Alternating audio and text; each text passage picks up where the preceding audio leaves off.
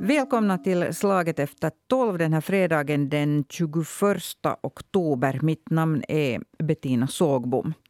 Idag ska vi prata om den nya entusiasmen för kärnkraft här i vårt land. Både politiker och vanligt folk har börjat ta ställning på social media och överallt egentligen för en utbyggnad av kärnkraft. Eh, Bolaget Fortum har då vädrat morgonluft och vill nu också bygga mera kärnkraft. Det här har man då meddelat. Eh, en av mina gäster idag för att eh, diskutera de här säkerhetspolitiska aspekterna, speciellt om mera kärnkraft, eh, är Yrsa Gryne som är journalist, expert på säkerhetspolitik och ordförande för Reportrar utan gränser i Finland.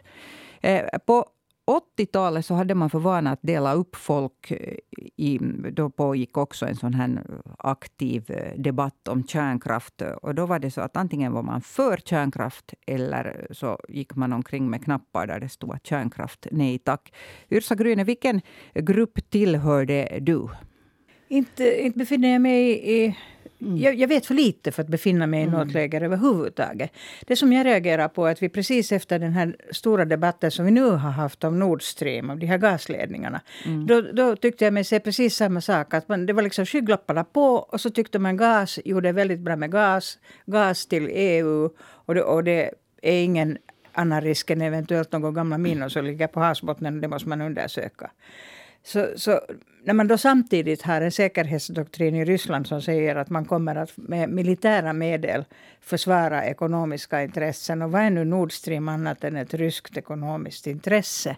Och sen kan man ju förstås bli så lite euforisk och tala om, om bristande solidaritet. Därför för att orsaken till att Ryssland ville ha den där gasledningen var ju det att då kunde man så att säga kringgå Ukraina. För det var ju med den här gasledningen man pressade Ukraina då när den ännu gick därigenom. Och så tog man ju bort en stor del av statsbudgeten. Så det, liksom, det finns så många olika, olika liksom aspekter i det här och jag tycker att, att, att diskussionen överlag går, går väldigt sådär, liksom man travar på i sådana spår som någon plöjer upp. Liksom. Och så beror det lite på hur världen ser ut.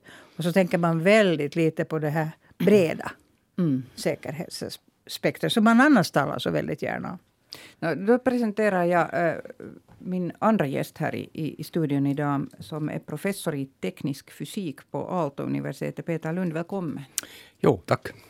Det där, äh, hur har du följt med den här, alltså om vi nu tar den här säkerhetspolitiska aspekten på det här. Alltså nu, nu pågår det en, en hurja sån här vurm, skulle jag säga, för ett intresse. Fortum har också anmält intresse för att nu börja bygga mera kärnkraft och också Eh, Ehm, satsa på såna små kraftverk. Men om vi, om vi håller oss till den här säkerhetspolitiska aspekten, så eh, hur tänker du kring den här eh, entusiasmen som nu finns?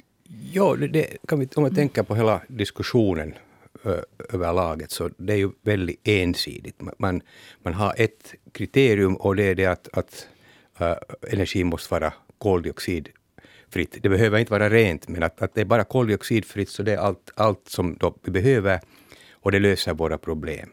Eh, samtidigt glömmer man, i synnerhet med, med kärnkraften, att vi har likadant beroende i kärnkraften av Ryssland som vi har på gas eller på olja eller andra energislag. Eh, Ryssland är ju ett, ett, en stormakt i, i kärnkraft, i kärnvapen. Allt vad beträffar kärnsaker eh, äh, kan vi säga, de, de, de är väldigt, väldigt starka. Äh, och i EU importerar vi fast en tredjedel av kärnbränslematerialet från Ryssland.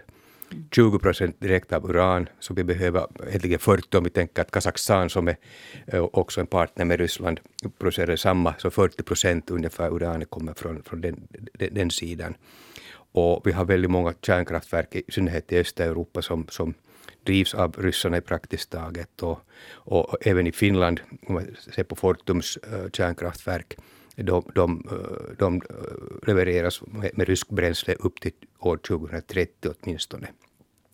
Så att det finns väldigt starkt beroendeskap till Ryssland. Då. Och det har jag lite undrat nu när vi, vi, vi, eh, om man ser vilken betydelse gasen nu idag har uh, i, i, EU och den ryska gasen. Så Uh, före krisen uh, i februari ungefär 40 procent av EUs gas kom från Ryssland. Nu är det Eh, knappt 10 procent. Och, och om, om, vi importerar över 30 procent av vårt kärnbränsle från Ryssland, så det är inte ett problem.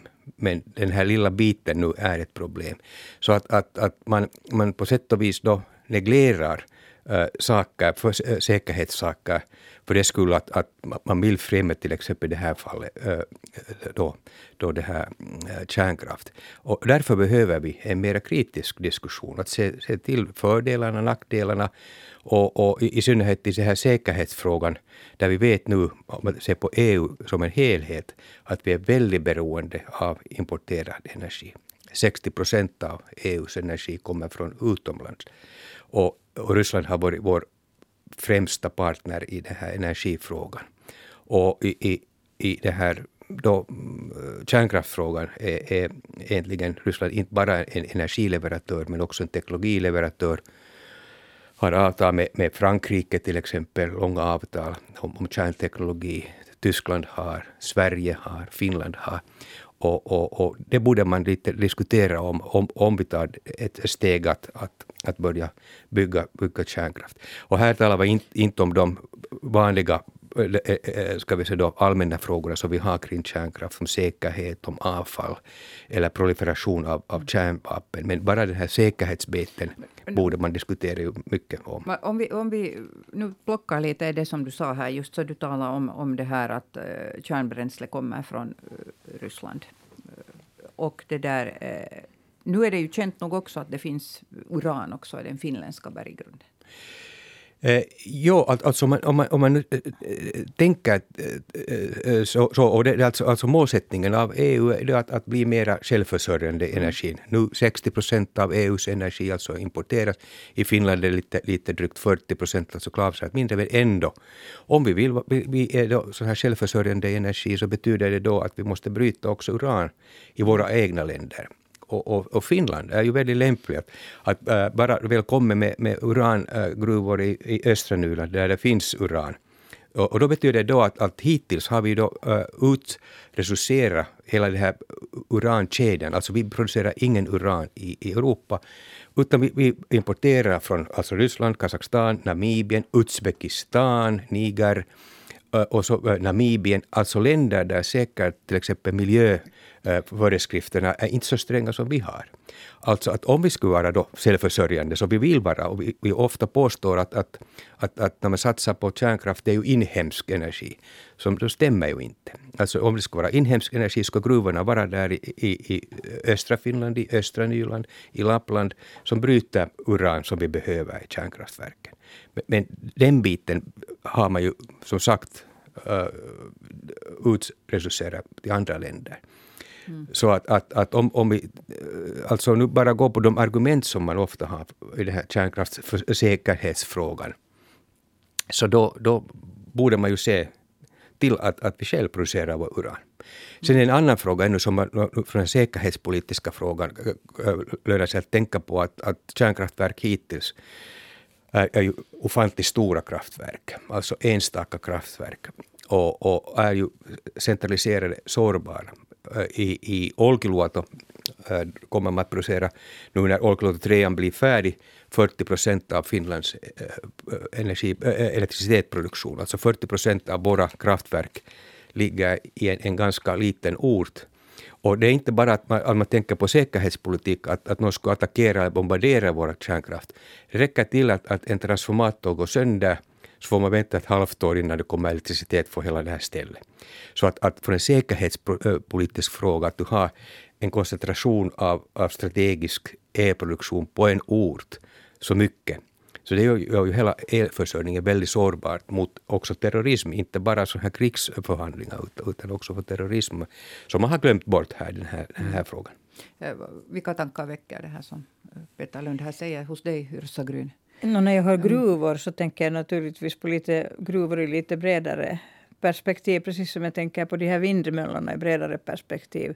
Och här nämndes då Lappland och, och jag vet till exempel det att, att jag brukar delta i ett sånt arktiskt möte i, i, i Norge, eller gjorde det under flera år före pandemin i alla fall. Och det, där, och det var nog för renskötseln så är ju till exempel vindmöllor rena rama döden så att säga. Det vill de absolut inte ha därför det, det stör deras traditionella näringar. När det sen gäller de här äh, kärnkraftverken så ja, terrorism ja, men, men eh, jag tycker ju nog att i krig om man målmedvetet attackerar ett kärnkraftverk så är det ju en form av terrorism det också. Man vet ju precis vilka risker det, det innebär oberoende av om det är några lösgående rebeller eller om det är en stat som gör det. Men, men eh, det här att, att själv öppna urangruvor i Finland tror jag nog att, att kanske har en, en lite här är vi inne igen på det här att man borde, den diskussionen borde vara bredare. Att mm. man ska beakta alla de aspekterna, liksom vad det handlar om, vad som händer och, och, hur det påverkar så att säga både, både miljön och, och uh, vissa då folkgruppers eller städers eller, eller vad det nu är som men, råkar vara aktuellt just då. Men, är det här inte en sån här typisk not in my backyard? Alltså, alltså nu nämnde du just det här att det är hemskt Alltså vindkraft eh, som i princip, alltså det är på växande hela tiden mm. och det byggs mera, men, men det är alltid någon som säger att jag vill inte ha det där som jag bor. Eh, och inte vill någon bo bredvid en urangruva heller. Eh, men vi vill alla ha energi. No, no, om, vi, om vi ser på alternativen nu, alltså mm. om, om, du tänker på en, en sån här att bryta uran, alltså det, det är ju Eh, en, en ofantlig anläggning. Och, och, och, om vi ser på miljöföljderna, det är inte bara den näromgivningen, men vattendrag kan också, också det här eh, då på, påverkas.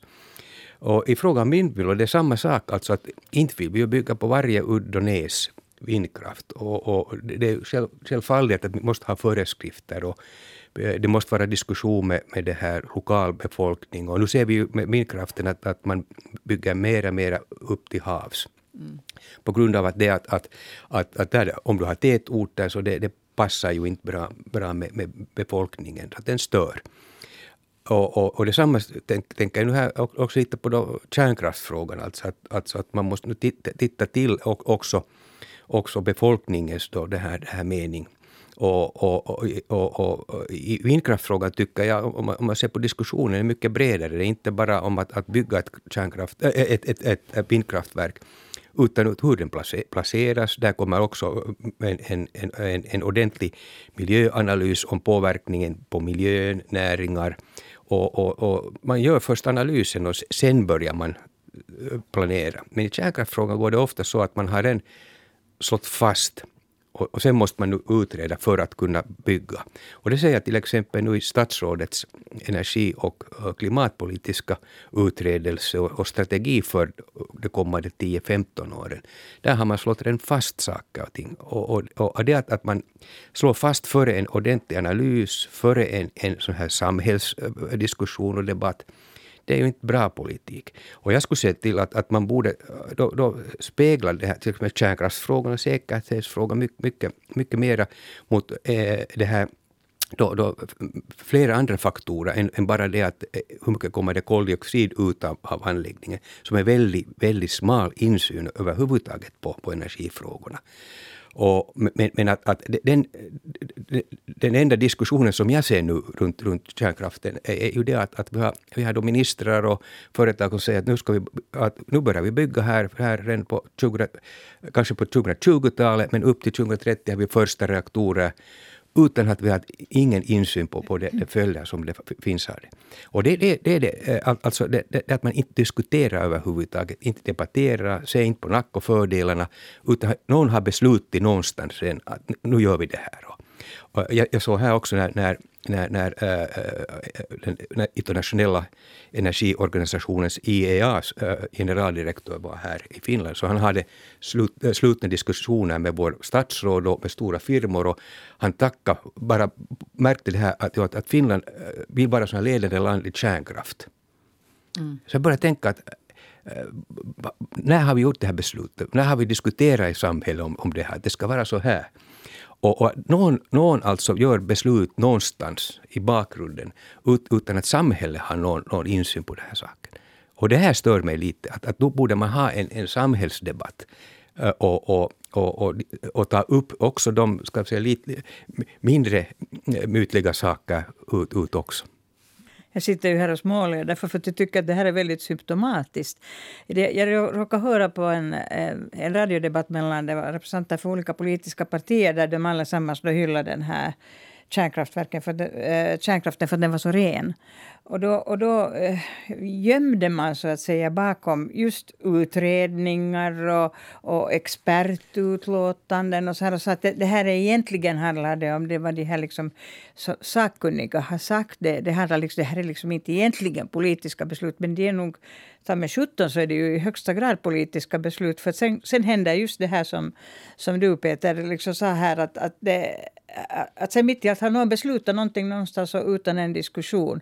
Att vi har lite den här eh, Kanske det är en rädsla för att ta den här debatten. För det är ju klart att det är precis så här som, som Bettina sa, att liksom not on my backyard. Liksom att ingen vill ha någonting precis bredvid sig. Men den där diskussionen har vi ju haft i många andra sammanhang. Titta bara på när de ska bygga eller vad heter inreda ett hem för alkoholister till exempel i Töle så det, väckte det ju ett ramaskri för man ville ju inte ha det som granne. Men, det där, men jag, tycker, jag tycker det här är symptomatiskt att vi har inte den här, vi har inte den här debattkulturen utan det blir väldigt fort den här liksom polariseringen för och emot. Att, om, om, att förstår du inte att det är så här man ska göra? Det var det jag började med. Just därför, ja. för att det blir en väldigt känslig fråga. Det känns som att energi också, eh, eller energipolitik överhuvudtaget, att det går väldigt mycket känsla i det vi har. Vi har eh, det är helt begripligt. Eh, ja. Jo, och, och sen just den här frågeställningen. Alltså nu, nu, nu det här hela vår energifråga kringla runt kärnkraften. Att, att vi ska bygga, det, det är så här väderoberoende det, det, den här argumentet att det väderoberoende. Mm. Utan att, att, man glömmer samtidigt att, att konsumtionen är väderberoende. Mm. Alltså såna, såna ganska barnsliga påståenden blir såna starka politiska argument. Och, och, och, och, och, och sen vad är alternativen? Finns det alternativ för kärnkraft? Kunde vi producera 100 procent av vår energi med förnybar energi till exempel, bärkraftigt? Eh, de frågor utreds inte i Finland. Det är inte så länge sedan det var på det sättet att man, de gröna till exempel argumenterar ja. för att kärnkraften är liksom dyr och den är ja. Eh, omodern så att och, säga. Och till exempel Tyskland, de, de, de utgår från det att 2035, redan så nära, ska all elektricitet i Tyskland produceras med förnybar energi, äh, elektricitet. Så nu är frågan, hur kan tyskarna gå så här? Alltså att bara utreda den här frågan skulle vara ett steg framåt i den finska diskussionen. Men om vi ser på statsrådets inställning eller ministerierna, i inget fall utreder man det här. Och, och, och den här frågan, alltså att, att gömma bort information eh, så, så man manipulerar också diskussionen mot vissa håll. Alltså en öppen diskussion bör ta alla alternativ på bordet. Man ser till vad det finns. Men nu är det att om man ser på den här diskussionen, stora energiföretag, statliga företag och, och eh, takorganisation på energi, eh, energin och, och, och, och statsrådet tar ju inte upp, upp den frågan, finns det alternativ? Och vad kostar det? Vad betyder det?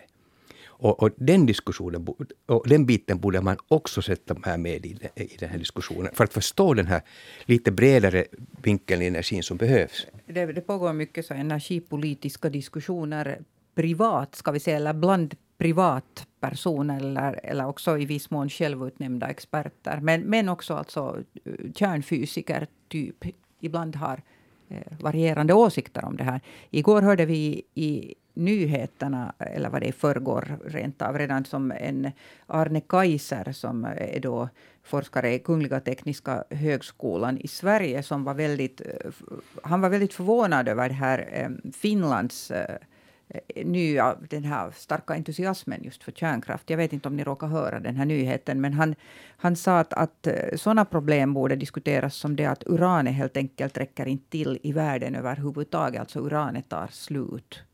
Eh, finns inte tillräckligt. Och så sa han att eh, han ville också ha en diskussion om det här att vem ska bygga kärnkraften för att det är Rosatom som internationellt sett har varit stora och byggt mycket. Eh, det är, det är helt otänkbart just nu. Det, det är ju på grund av, av den här ryska eh, kopplingen där. Och eh, så talar han om att fransmännen har byggt mycket men att vi har nu kanske lite dåliga erfarenheter av Olkiluoto.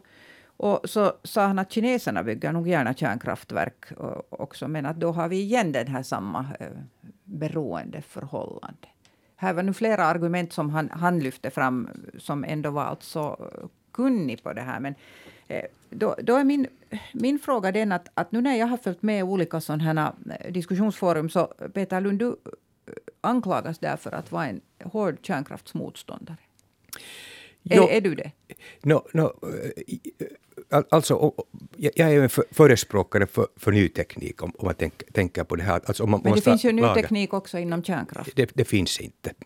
Äntligen, och, och där det påstås nog att det, det finns. Påstår, jag är ursprungligen reaktorfysiker och har mm. studerat reaktorfysik och kärnteknik. Och jag är diplomingenjör i den och har också forskat det, eh, det området. Om jag, om jag ser nu på de här, de här grundläggande koncepterna, till exempel för de här små modulära reaktorerna. Som väldigt starkt förespråkas. Som förespråkas. Ja. Den tekniken har man redan utvecklat på 60-talet, alltså de koncepterna. Och första provförsöken har gjorts sen på 60-talet.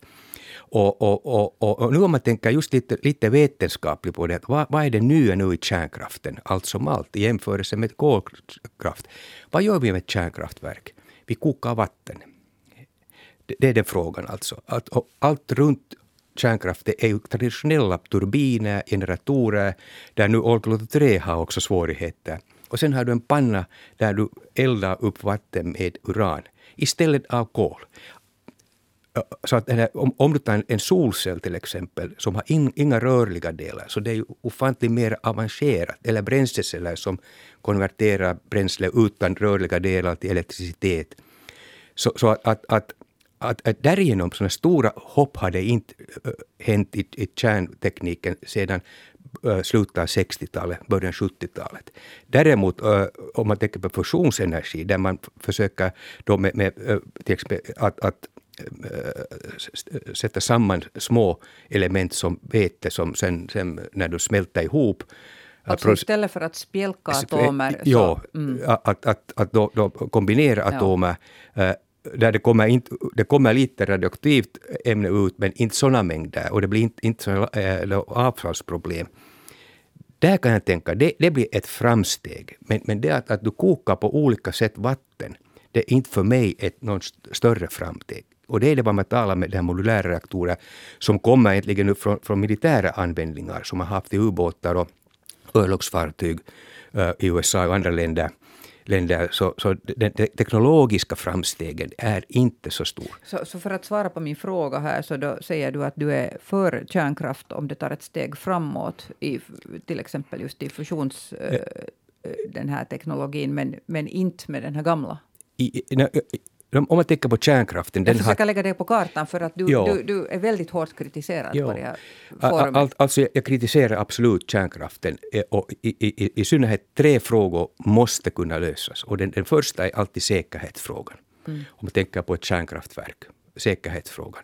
Sen har vi avfallsfrågan och sen har vi också eh, proliferation av, av kärnvapen.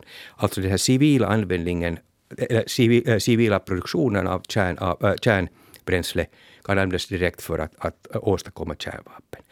De här frågorna måste man kunna lösa för en, för en eh, kan vi säga, eh, eh, i min insyn, kärnkraften skulle bli bärkraftig. Och där, därigenom kritiserar jag absolut kärnkraft äh, i, den, i den hänsyn att man har inte tagit hänsyn till de, de grundläggande frågorna som är väldigt viktiga för mänskligheten. Eh, och, låt mig sätta också lite bredare perspektiv kärnkraften. Eh, kärnkraften producerar ungefär 10 procent av världens elektricitet. Det är ungefär detsamma som sol och vindkraft idag tillsammans. Om vi ser på de här miljöfrågorna, eh, var, eh, miljö, miljöfrågorna och, och den här klimatförändringen, minskning av utsläpp. Eh, huvudpunkten och, och brännpunkten är inte Europa eller västvärlden, utan det är u-länderna u-länderna, där växer energibehovet över kan vi säga så 60 procent av utsläppen i framtiden, 70 procent kommer från de länderna. Då talar vi om deras ländernas då, då, energilösningar. Alltså om vi börjar förespråka för kärnkraft och säga att, att, det, att, att, vi, att vi kan inte bygga ett, ett, ett bärkraftigt energisystem i Finland och Europa utan kärnkraft. Hur i världen kan fattiga länder göra det? Och då har betyder, mera solsken? Mera solsken, men inte mm. teknik. Att om, om vi är då säger att, att det, kärnkraften är framtiden, betyder det då att, att också u-länderna måste ha det? Och, och då, då, kommer vi till den, den, den frågan, till exempel prolifereringsfrågan. Vet, eh, klart att, att om man ser på de här äh, arabländerna äh, kring Persiska viken, när de bygger kärnkraft. Det finns alltid en anknytning också till proliferation ser vi på Iran. Som, som, får du förklara det här ordet? Proliferation betyder då, då, då, utspridning av kärn, kärnvapen. Ah, okay. Om vi tar ett exempel, Persien och, och Iran idag uh, börja med så här fridlig användning av, av, av, av kärnkraft. Och, och, och, och, man hade avtal om, om det, att, att, att, det här, att vi bygger kärnkraft bara för att producera elektricitet. Vi behöver mycket elektricitet här i, i Iran. Och, och, och, det var ju klart redan då att, att man kommer att, att, att missförbruka det här för att, att producera sen kärnvapen. Och nu ligger vi i ett läge där, där troligtvis Iran är kanske några månader, halvt år, några år fram i tiden kan ha kärnvapen. Vad betyder det nu sen för, för äh, exempelvis då det här säkerhetsfrågorna? Men, men, om, vi, om vi håller oss till ändå våra egna breddgrader så, så kan man ju här, eh, vän av ordning, nog nu äh, resonera så här att eh, samma som med landminorna i tiden, att men vi är ansvarsfulla, eh, vi sköter om det här ordentligt. Vi, vi är inte Iran. Eh, jag tar Yrsa Gryne in här nu, alltså det, det här resonemanget hör man ju. Jag, jag tror att det är väldigt mm. svårt att, att, att tänka så här, så att säga, mm. begränsat när det gäller, när det gäller kärnkraft, precis som med landminor. Det måste liksom mm man kan inte, det här med att vi är ansvarsfulla, vi lägger ut och vi har kartor. Jag har själv mm. sett hur, hur minor nog glider lite hit och dit med vårsnön. Men att det, där, så att det, det var ett argument som aldrig höll. Men jag, tyck, jag, jag, tycker, jag tycker egentligen att, att, att jag, kan, jag kan ju inte kärnkraftverk så där per se. Men, men jag tycker att det som saknas är den här, är den här liksom den här öppenheten, den här liksom, så att folk liksom lite skulle veta vad det är. För ju mer man vet om saker och ting, ju mer man vet om risker, så desto, desto liksom mindre troll går det i det hela. Det, nu när, det liksom, när man kör på liksom bara längs ett spår och så här, så, så är det ju inte säkert inte bara jag som undrar att kan det nu vara så där enkelt. Att, att och så har man ju sen i bakhuvudet det här Nord Stream och kommer ihåg hur man då argumenterar, hur allting var rätt och hur allt som var rätt nu mitt i allt är fel. Att, att liksom, det, det är kanske den här debattkulturen som jag, som jag tycker att, att, att borde vara lite modigare och lite, lite öppnare. För jag tror inte att det finns en enda sanning. Jag tror att det, det men så, ju mera folk vet och ju mera liksom politikerna själva vet och ju, ju fler liksom forskare som får komma till tals med också lite kontroversiella eh, argument, så desto bättre bild får man ju av det som, som ska vara den där beslutsgrunden. Alltså, om, om jag nu påstår här att, att, att om vi säger att, att om vi ska bygga till exempel eh, ett, ett energisystem som baserar sig på uh, förnybara energikällor som per definition betyder att du, du har inhemska bränslen, alltså sol, vatten eller, eller, eller, eller, eller vind. vind är ju klart inhemska. Att, att man kan bygga det billigare än, än, än, än kärnkraften, alltså det är den billigare än kärnkraften. Och om vi gör det fiffigt så den, den är lika, lika tillförlitlig. Att om vi har det alternativet, så, och, och sen har du kärnkraftalternativet, vilket skulle du då välja? Men nu är det du som påstår det där och nu påstår ju en massa andra människor att nej, det går inte. Att ja, vi får ändå ja. inte hela energibehovet täckt av det här. Ja. Jag, jag, jag kommer nu med de argument som, som jag har läst på de här olika forumen där man skjuter ner din modell. Ja, och, och då, då, kan mm. jag säga att jag har själv utforskat det här, det här ämnet och, och, och meriterar mig också. Och sen ser jag på andra kollegor, alltså vad händer på vetenskapsområdet? Jag ser också länder som Tyskland, som, som ju, är den största ekonomin i Europa, har beslutat sig. Är, är det, alltså vilka, på vilka argument har tyskarna sen kommit på det här? Om man tänker... Men det är så intressant att du tar Tyskland som exempel, för Tyskland hålls upp som ett exempel nu i den pågående diskussionen som någon som har riktigt sjabblat bort allting. De stängde alla kärnkraftverken för tidigt. Nu säger jag igen, för jag är inte heller någon atomfysiker, mm. men jag säger att de, de stängde alla kärnkraftverk Eh, för tidigt. Och så istället så började de köpa eh, gas av Ryssland och, och, och lobba för Nord Stream och här sitter vi nu. Ja, det här är ju en intressant fråga. Alltså som du sa, alltså, alltså man, man ofta ger en sån här bild att, att eh, energikrisen, att Tyskland får man påskylla här på, på grund av att de stängde sina kärnkraftverk. Då ser man lite på energistatistiken som man får alltså både från IEA och tyskarnas energistatistik. Först om man ser på gasanvändningen i Tyskland. Sedan 1997 det har varit ungefär stabilt. Och den här stora energivändningen hände 2011-12. Alltså från 97 upp till dag, gasanvändningen ungefär detsamma. Det har inte hänt stora förändringar där. Och sen ser jag på den här elektricitetsproduktionen. När man stänger nu kärnkraft som då före det här eh, äh, energivände, eh, eh, det här beslutet motsvarar 20 procent av tyska elektriciteten. Så nu när man då, då hörde argumenten, så då borde ha gasanvändningen i elproduktionen vuxit, eller hur? Då tittar jag på gasanvändningen i elproduktionen, den har varit stabil sedan, sedan 2008. Ungefär 15 procent av tyska elektriciteten. Alltså inga sådana stora uppgående trender. Det enda vad det har hänt i Tyskland, och då, det, det här hände efter 2012-13, ungefär när Fortum kommer in på Uniper, samma tid, börjar Tyskland köpa väldigt mycket eh, rysk gas. Och nu frågar man varför skiftar man bort från Nordsjögasen och från holländsk eh, och norsk gas. Och då är frågan att marknaden, det, det var säkert billigare. Det var billigare. Så plötsligt när, när eh, gas, ryska gasens andel hade varit en lång tid sedan 90-talet, kan vi säga, den, den ungefär 30-40 procent, hoppade den upp till 70 procent. Och där är det problemet. Och här har man då, eh, då, glömt den här säkerhetsfrågan. Man gav marknaden möjlighet att köpa så billig gas som ni vill. Detsamma gjorde Italien, detsamma har också Holland gjort. Och det här är den frågan. Alltså, den har ingenting att göra med kärnkraften som sådan, eh, utan det är frågan om ryska gasens andel i tyska gasen.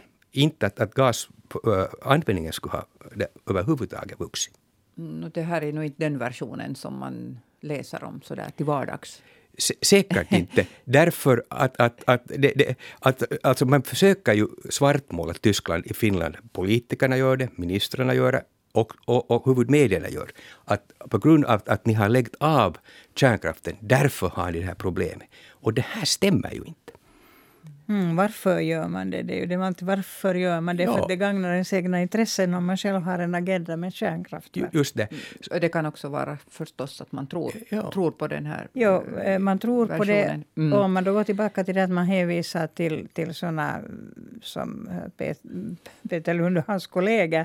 Så det, det är ju bra att det finns en diversitet och olika mm. åsikter. Men man borde ju titta på den där argumenteringen och på de där fakta bakom det hela. För det finns ju också den risken att om en, om en stat eller regering kör en viss agenda så, så det kan ju nog också undertrycka på olika sätt sen sådana forskare som kanske skulle vilja se lite på alternativen eller syna de här argumenten för lite noggrannare i, i sömmarna så att säga. Det, det är den här öppenheten och mm. fördomsfriheten. Vilken idealist jag är. Alltså, alltså om jag tänker alltså, så här bara faktagranskning i den här frågan, till exempel tyska. Mm. Att, som är väldigt enkelt. Det, det tar högst en timme att gå igenom data. Man ser på, BP har väldigt bra energidata, IEA har, så att alla hörarna kan gå, så, kan gå titta på det. Alltså det, det finns tillgängligt. Men, men nu det, det blir, så, det blir såna halvsanningar eh, eh, eh, blir så småningom en, en, en hel sanning och sen blir det en, en, en, en, en, en politisk agenda. Och, och, det här stör mig också. Att, alltså, varför kan man inte diskutera, att gå igenom det här? Vi har data där och vi kan visa, påvisa. Eh, vad gäller det här 100% förnybar energi. Det finns amerikanska studier, det finns europeiska studier, finska studier som visar att det går. Det finns också planer för det. Varför kan man inte öppet diskutera den här, den här frågan? Och, och, och, och, det ser ut så att, alltså att vi, vi närmar oss, en, nu inte kanske ett auktoritärt land, men det, bör, det har samma typ av element äh, som en, en, en, diktator Orban i Ungern. Att, att du, du, du, det finns inte möjlighet att argumentera i väldigt viktig, viktiga samhälleliga frågor. De har monopoliserats av någon och, och det blir inte ordentlig debatt som kunde ha påverka egentligen utvecklingen? Det är en ganska uh, tuff beskyllning som, som, som du kommer med här, Peter Lund. Och jag, jag hoppas den är riktad mot politiker och inte mot, mot media. Jag vet inte, vi försöker ju just nu ta fram den här andra aspekten också. Här, eller jag försöker göra det här idag.